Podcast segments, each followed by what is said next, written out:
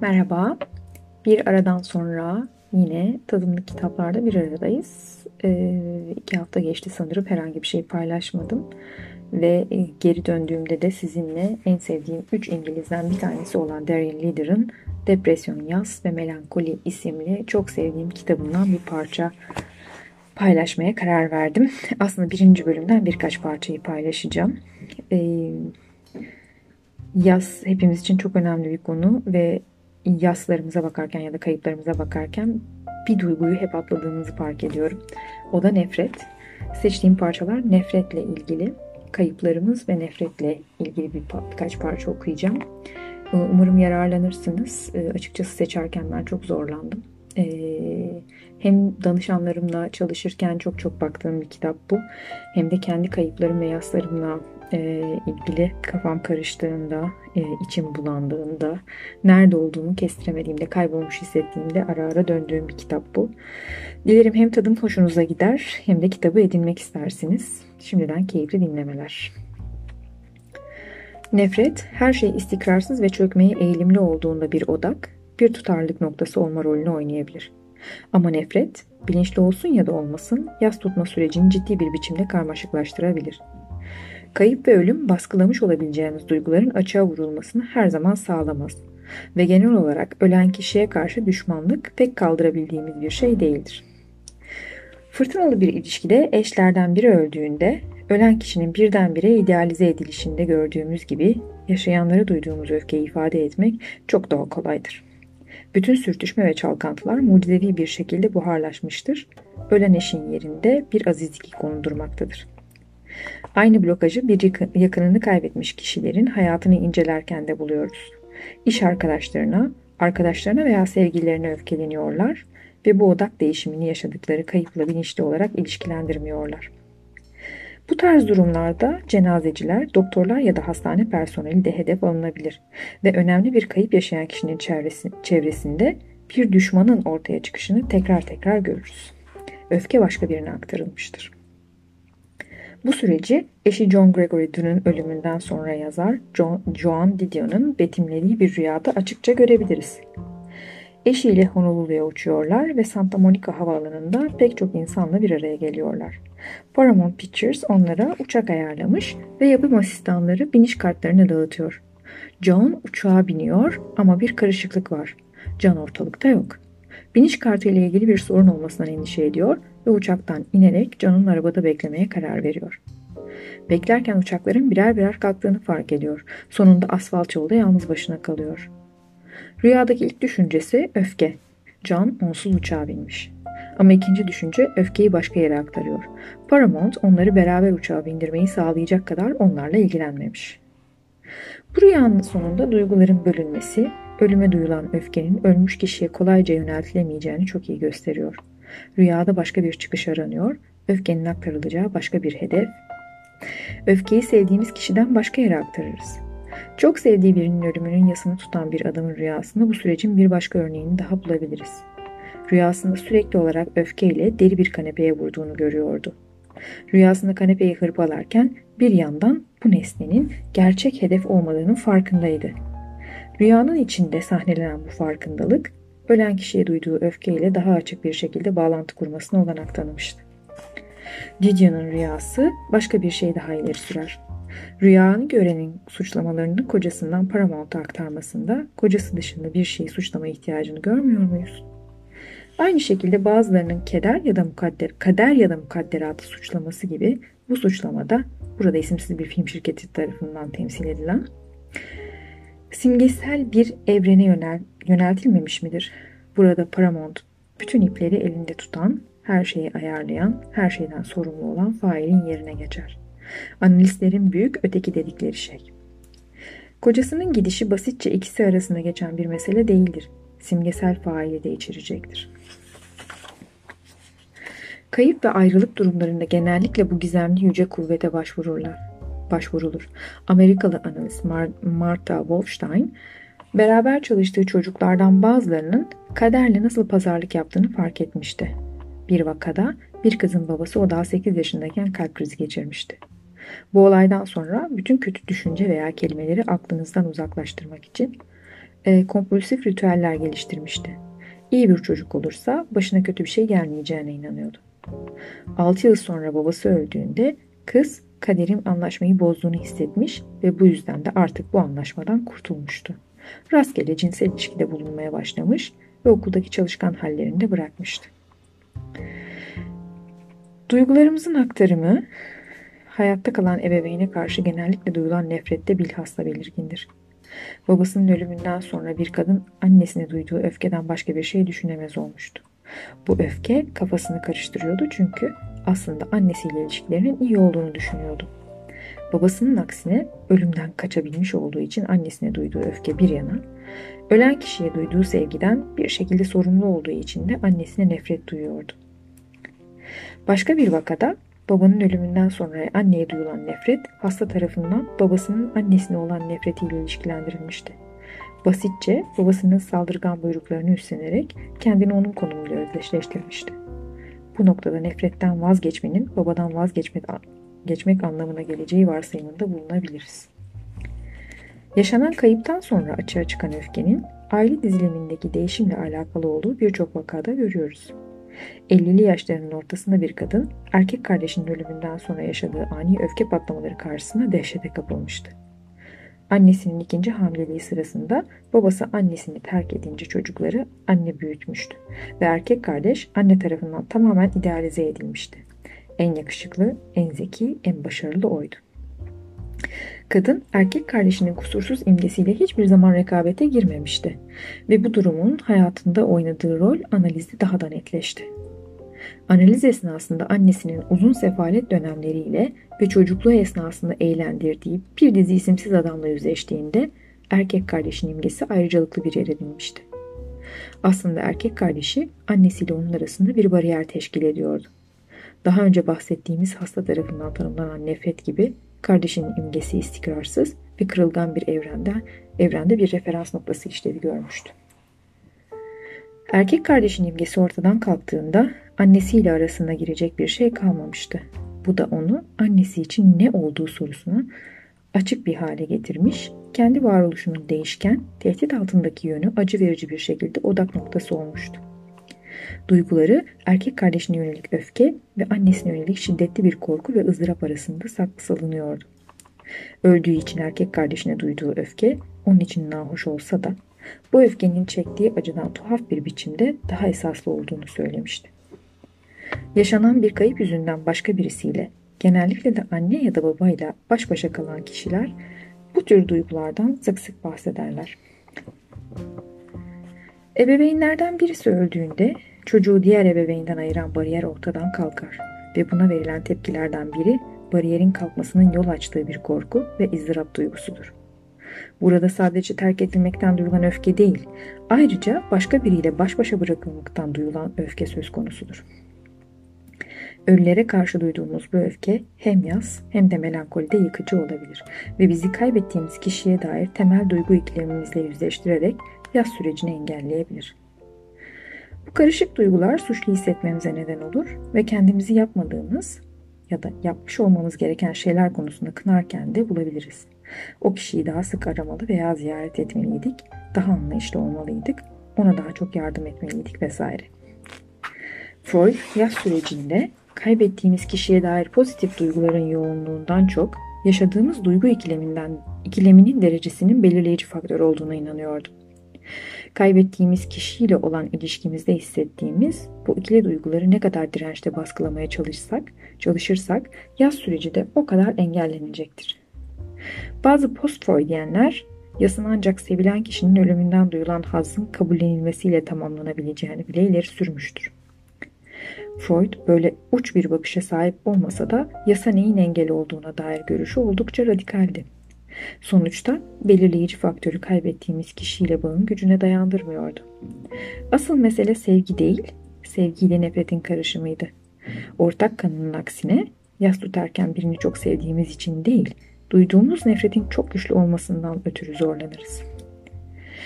Yas, yası tutan kişiyi acizleştiren, bitkinlik ve panik biçimlerinde de bürünebilen, yıkıcı ve acı verici bir e, arafta ka kapana kısılmalarına yol açan şey belki de sevgiyle nefreti birbirinden ayırma çabasının ta kendisidir.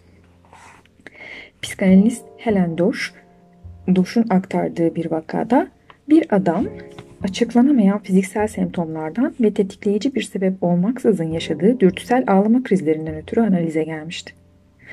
Birkaç yıl önce annesi ölmüştü ve haberi alır almaz hemen cenaze için yola çıkmış ama bir şey hissetmemişti. Değerli anılarını hatırlamaya çalışmış ama umduğu gibi acı çekmemişti. Kendini yas tutamadığı için suçlamaya başlamış ve sık sık ağlayabileceği umuduyla annesini düşünmeye başlamıştı. Analist adamın çocukluğundan itibaren annesine yoğun bir nefret duyduğunu ve bu nefretin daha sonraları tekrar belirdiğini ortaya çıkarmıştı. Annesinin ölümü beni bıraktı şeklinde bir tepkiye sebep olmuştu ve bu tepkiye de öfke eşlik ediyordu. Üzülmektense düşmanca duyguların araya girmesiyle beraber sadece bir soğukluk ve ilgisizlik duyuyordu. Deutsch'a göre adamın suçluluk duygusu yıllardır annesinin hastalığıyla özdeşleştirdiği fiziksel semptomlarda semptomlar yaratıyordu. Dürtüsel ağlama krizleri duygusunun sonradan ortaya çıkan bir ifadesiydi ama annesinin ölümüne dair düşüncelerden yalıtılmıştı. Güçlü ikircikli duyguları nedeniyle ikiye bölünmüştü bu krizler. Bu tür bir bilinç dışı çatışma nedensizmiş gibi görünen ama aslında engellenen ve gizli kalan, kalan duygusal tepkilerin ifadesi olan pek çok depresyon vakasına bir ipucu veriyor. Depresyon geçmişte kaybın yaşandığı aynı dönem ya da aynı gün ortaya çıkabilir ama bu bağlantı bilinçli bir şekilde kurulmaz. Yaşadığımız tek şey üzüntü ve boşluk duygusudur. Bu durumun bütün suçun benlikte odaklandığı melankolinin klinik tablosundan ne kadar farklı olduğuna dikkat edin.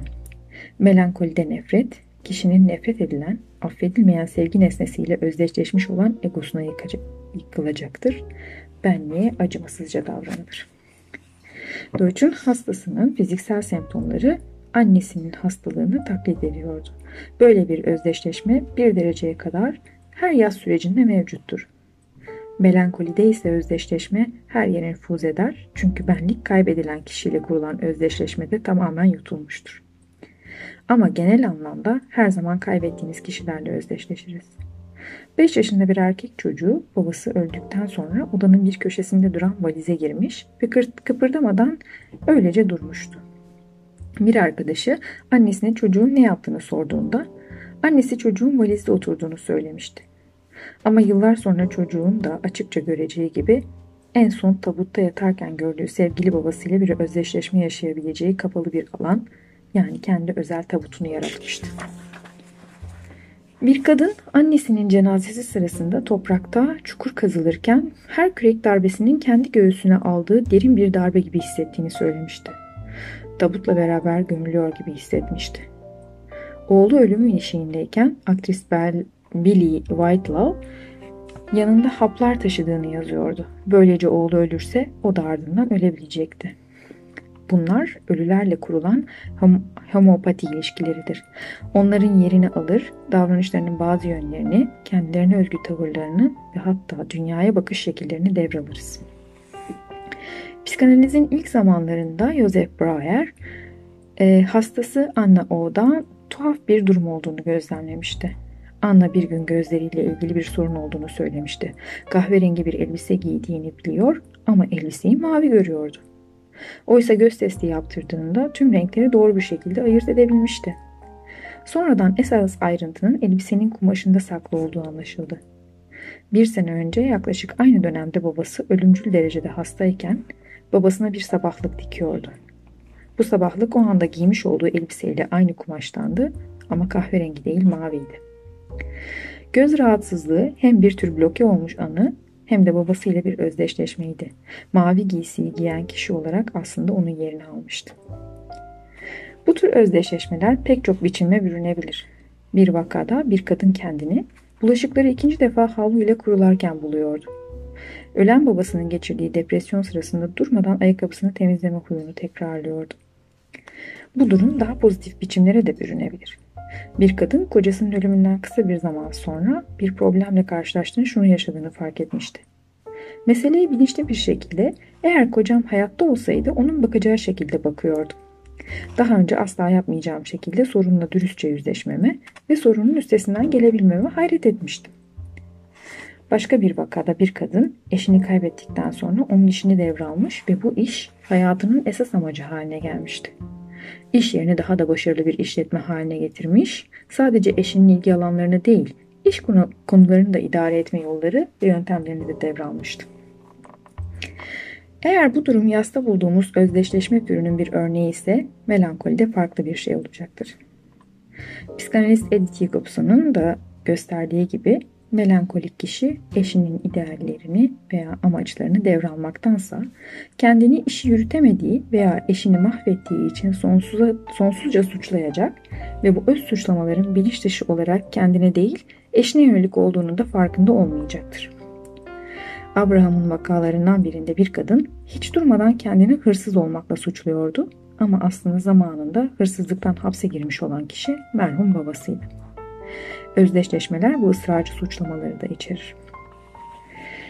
Bu melankolik özdeşleşmeler görmüş olduğumuz gibi çok yaygın bir karaktere sahiptir. Bir vakada melankolik bir adam günlerini ölmüş olan kardeşinin Londra'da dolaştığı haya dolaştığını hayal ettiği yerleri dolaşarak geçiriyordu. Sanki gidenle tamamen özdeşleşmişti ve dünyaya sadece onun gözleriyle bakıyordu.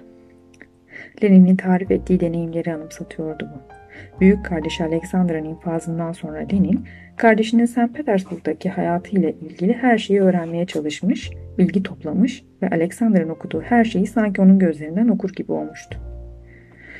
Nikolay Chernsevski'nin Ütopyacı romanı Nasıl Yapmalıyı daha önce okuduğunda üzerinde pek bir etki bırakmamışken Alexander için çok önemli olması nedeniyle tekrar okuduğunda Lenin'in üzerinde güçlü bir etki olmuştu, etkisi olmuştu bu kitabın. Tüm hayatını etkileyecekti bu olay. Sanki politik kariyeri kısmen ölen kardeşiyle özdeşleşmesi üzerine şekillenmiş gibiydi. Daha yakın dönemden bir örnek Hollandalı yönetmen George Luzier'in yönettiği The Vanishing'de bulunabilir. Film kaçırılan karısını arayan bir adamın hikayesini anlatır. Bir gün bir benzin istasyonunda durduklarında karısı ortadan kaybolur. Karısını kaçıran kişi onun karısını bulma çabalarını izler ve filmin sonunda ona karısının akıbetini öğrenme şansı sunar. Karısına ne olduğu muammasını çözebilmek için çaresiz bir şekilde uyuşturucu ilaç almaya razı olur. Uyandığında canlı canlı gömüldüğünü görür. Karısını tekrar bulma arzusu onunla kurduğu derin bir özdeşleşmenin üzerine örter. Muammayı çözmek aslında ona katılmak için bir mazerettir. Kendini kelimenin tam anlamıyla kayıp nesnenin yerine koymuş, bunun da ölümcül sonuçları olmuştur. Benzer bir şekilde Random Hearts'ta Harrison Ford ve Kristen Scott Thomas eşlerini uçak kazasında kaybetmiş olan iki karakteri canlandırır. Hikaye ilerledikçe eşlerin beraber seyahat ettikleri ortaya çıkar. Miami'ye iş için değil, uzun süren ilişkilerine devam etmek için gidiyorlardı. Ford ilişkileri hakkında her şeyi öğrenmeyi saplantılı haline getirir. Nereye gittikleri, ne yaptıkları, hangi otel odasında kaldıkları vesaire. Hastalıklı arayışı ivme kazanır. Scott Thomas'ı da işin içine gittikçe daha çok dahil eder. Adeta onu saplantısını paylaşması için zorlar. Eşlerinin aşk hikayelerini yaşadıkları yerleri ziyaret ederlerken sevgili olurlar. Ölülerin yerini almış gibidirler. İkisinin sevgili olmadan önce bir kulüpte tesadüfen çekilmiş bir fotoğrafı gazetede çıkmıştır. Ama bu yalan haber kısa süre sonra gerçek olacaktır. Sanki büyük bir güçle kavrayışların ötesine geçen bir yapı tarafından ölülerin alanına itilirler ve sonunda ölü aşıkların yerini alırlar. Bu tür bilinç dışı özdeşleşmeler sandığımızdan çok daha yaygındır. Sevdikleri kişinin ölümünün üzerinden çok geçmeden ölenleri sıkça duyarız. Özellikle de uzun yıllar süren bir evlilikten sonra Örneğin müzisyen Johnny Cash ve politikacı James Callahan'ın sevgili eşlerinin ölümünden kısa süre sonra hayatlarını kaybettiler. Keder artık bir zamanlar olduğu gibi ölüm sertifikalarında ölüm nedeni olarak geçmiyor. Ama çoğu zaman hayatta kalan eşin kaybettiği aşkına katılmak istediği şüphe götürmez. Bazı durumlarda ölüm bilinçli bir istekken aynı sıklıkta bilinç dışından kaynaklanan bir itki de olabiliyor. Random Hearts'ta olduğu gibi daha yüksek bir gücün ya da kaderin karakterleri ölenlerle özdeşleşmeye ittiğini hissederiz. Kişilerin ölen bir ebeveyn ya da bir aile üyesinin ardından muhtemelen ölümlerinden sorumlu hissettikleri için onların hayat hikayesini tekrar etmeye mahkum oldukları hissine kapıldıklarını sık sık duyuyoruz. Psikanalist George Pollock, insanlardaki keder, kader hissinin çoğunlukla gençken ebeveynlerinden ya da kardeşlerinden birinin kaybettiklerinde ortaya çıktığını düşünüyordu. Ölüm ya da hastalıktan kendilerini sorumlu tutuyorlar ve bu yüzden aynı kaderi paylaşmaya mahkum olduklarını hissediyorlardı. Van Gogh'un deneyimi de buna bir örnektir. Van Gogh'a o daha doğmadan önce ölen kardeşinin adı verilmişti. Sık sık kardeşinin mezarının yanından geçerdi ve kilisede kardeşiyle aynı numarayla kayıtlıydı. 29. Daha sonra Temmuz'un 29'unda intihar edecekti. Başka bir örnek de psikanalist Marie Bonaparte'dır. Freudiyenlerin ilk kuşağından olan bu Yunan prensesi zaman zaman Prens Philip'in bebek bakıcılığını yapmıştı.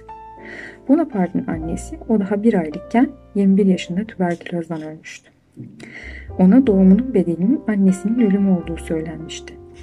Annesiyle aynı adı alan Marie, kendisinin de aynı kaderi paylaşacağına ikna olmuş ve tüberkülozu andıran semptomlar geliştirmeye başlamıştı. İştahını kaybedip kilo vermiş, sık sık solunum yolları enfeksiyonu geçirmişti ve boğazında da kanlı balgam vardı. Bu özdeşleşmeleri görmezden gelmek felaketle sonuçlanabilir. İntihar tehlikesine veya yaşama isteğinden aşamalı olarak vazgeçmeye karşı bizi görleştirebilir. Aynı zamanda kaybettiği yakınını taklit eden hastaların asıl semptomlarını da gizleyebilir. Ama maalesef hem tıp hem de psikoloji bu yaygın durumlara tehlikeli bir şekilde ilgisiz kalıyor. Tıp ölme isteğine dair hiçbir şey bilmek istemez. Psikoloji ise kayıp nesneyle özdeşlik kuruluğuna dair Freudian fikirden kaçınma eğilimindedir. Ama çeşitli örnekler özdeşleşmenin kayba karşı temel, insani bir tepki olduğunu gösteriyor. Ya kaybettiğimiz kişinin bazı özelliklerini alırız ve ölen kişinin bazı özellikleri bizim parçamız olur ya da melankolide olduğu gibi bütün özelliklerini alırız. Amerikalı analist Bertrand Lewin'in de dediği gibi melankolikler kaybettikleri kişileri temsili olarak cezalandırırlar. Fakat benlikleri bu temsil bu temsilin kendisi haline gelmiştir. Okumaya devam etmek isterdim açıkçası ama 22 dakika olmuş bile. Çok fazla vaktinizi aldım. En fazla 15 dakika okumayı planlıyordum. Umarım hmm, keyifle dinlemişsinizdir. Kendi yazlarınıza belki bir kere daha baktınız. Ne kadar keyifli dinlenir, dinlenebilir bilmiyorum tabii. Yaz, nefret, özdeşleşme ve melankoli konuşmak. Ee, yine de çok zihin açıcı olduğunu düşünüyorum. Ee, dahasını okumanızı dilerim. Kitap Enkor'dan çıktı. Enkor biliyorsunuz e, Lakancı psikanalistlerin ve Lacan'ın e, kuramının e, yaygın bir biçimde işlendiği yayınlar yapıyor. Edinmenizi ve keyifli okumanızı diliyorum. Dinlediğiniz için teşekkür ediyorum. Kendinize çok dikkat edin. Hoşçakalın.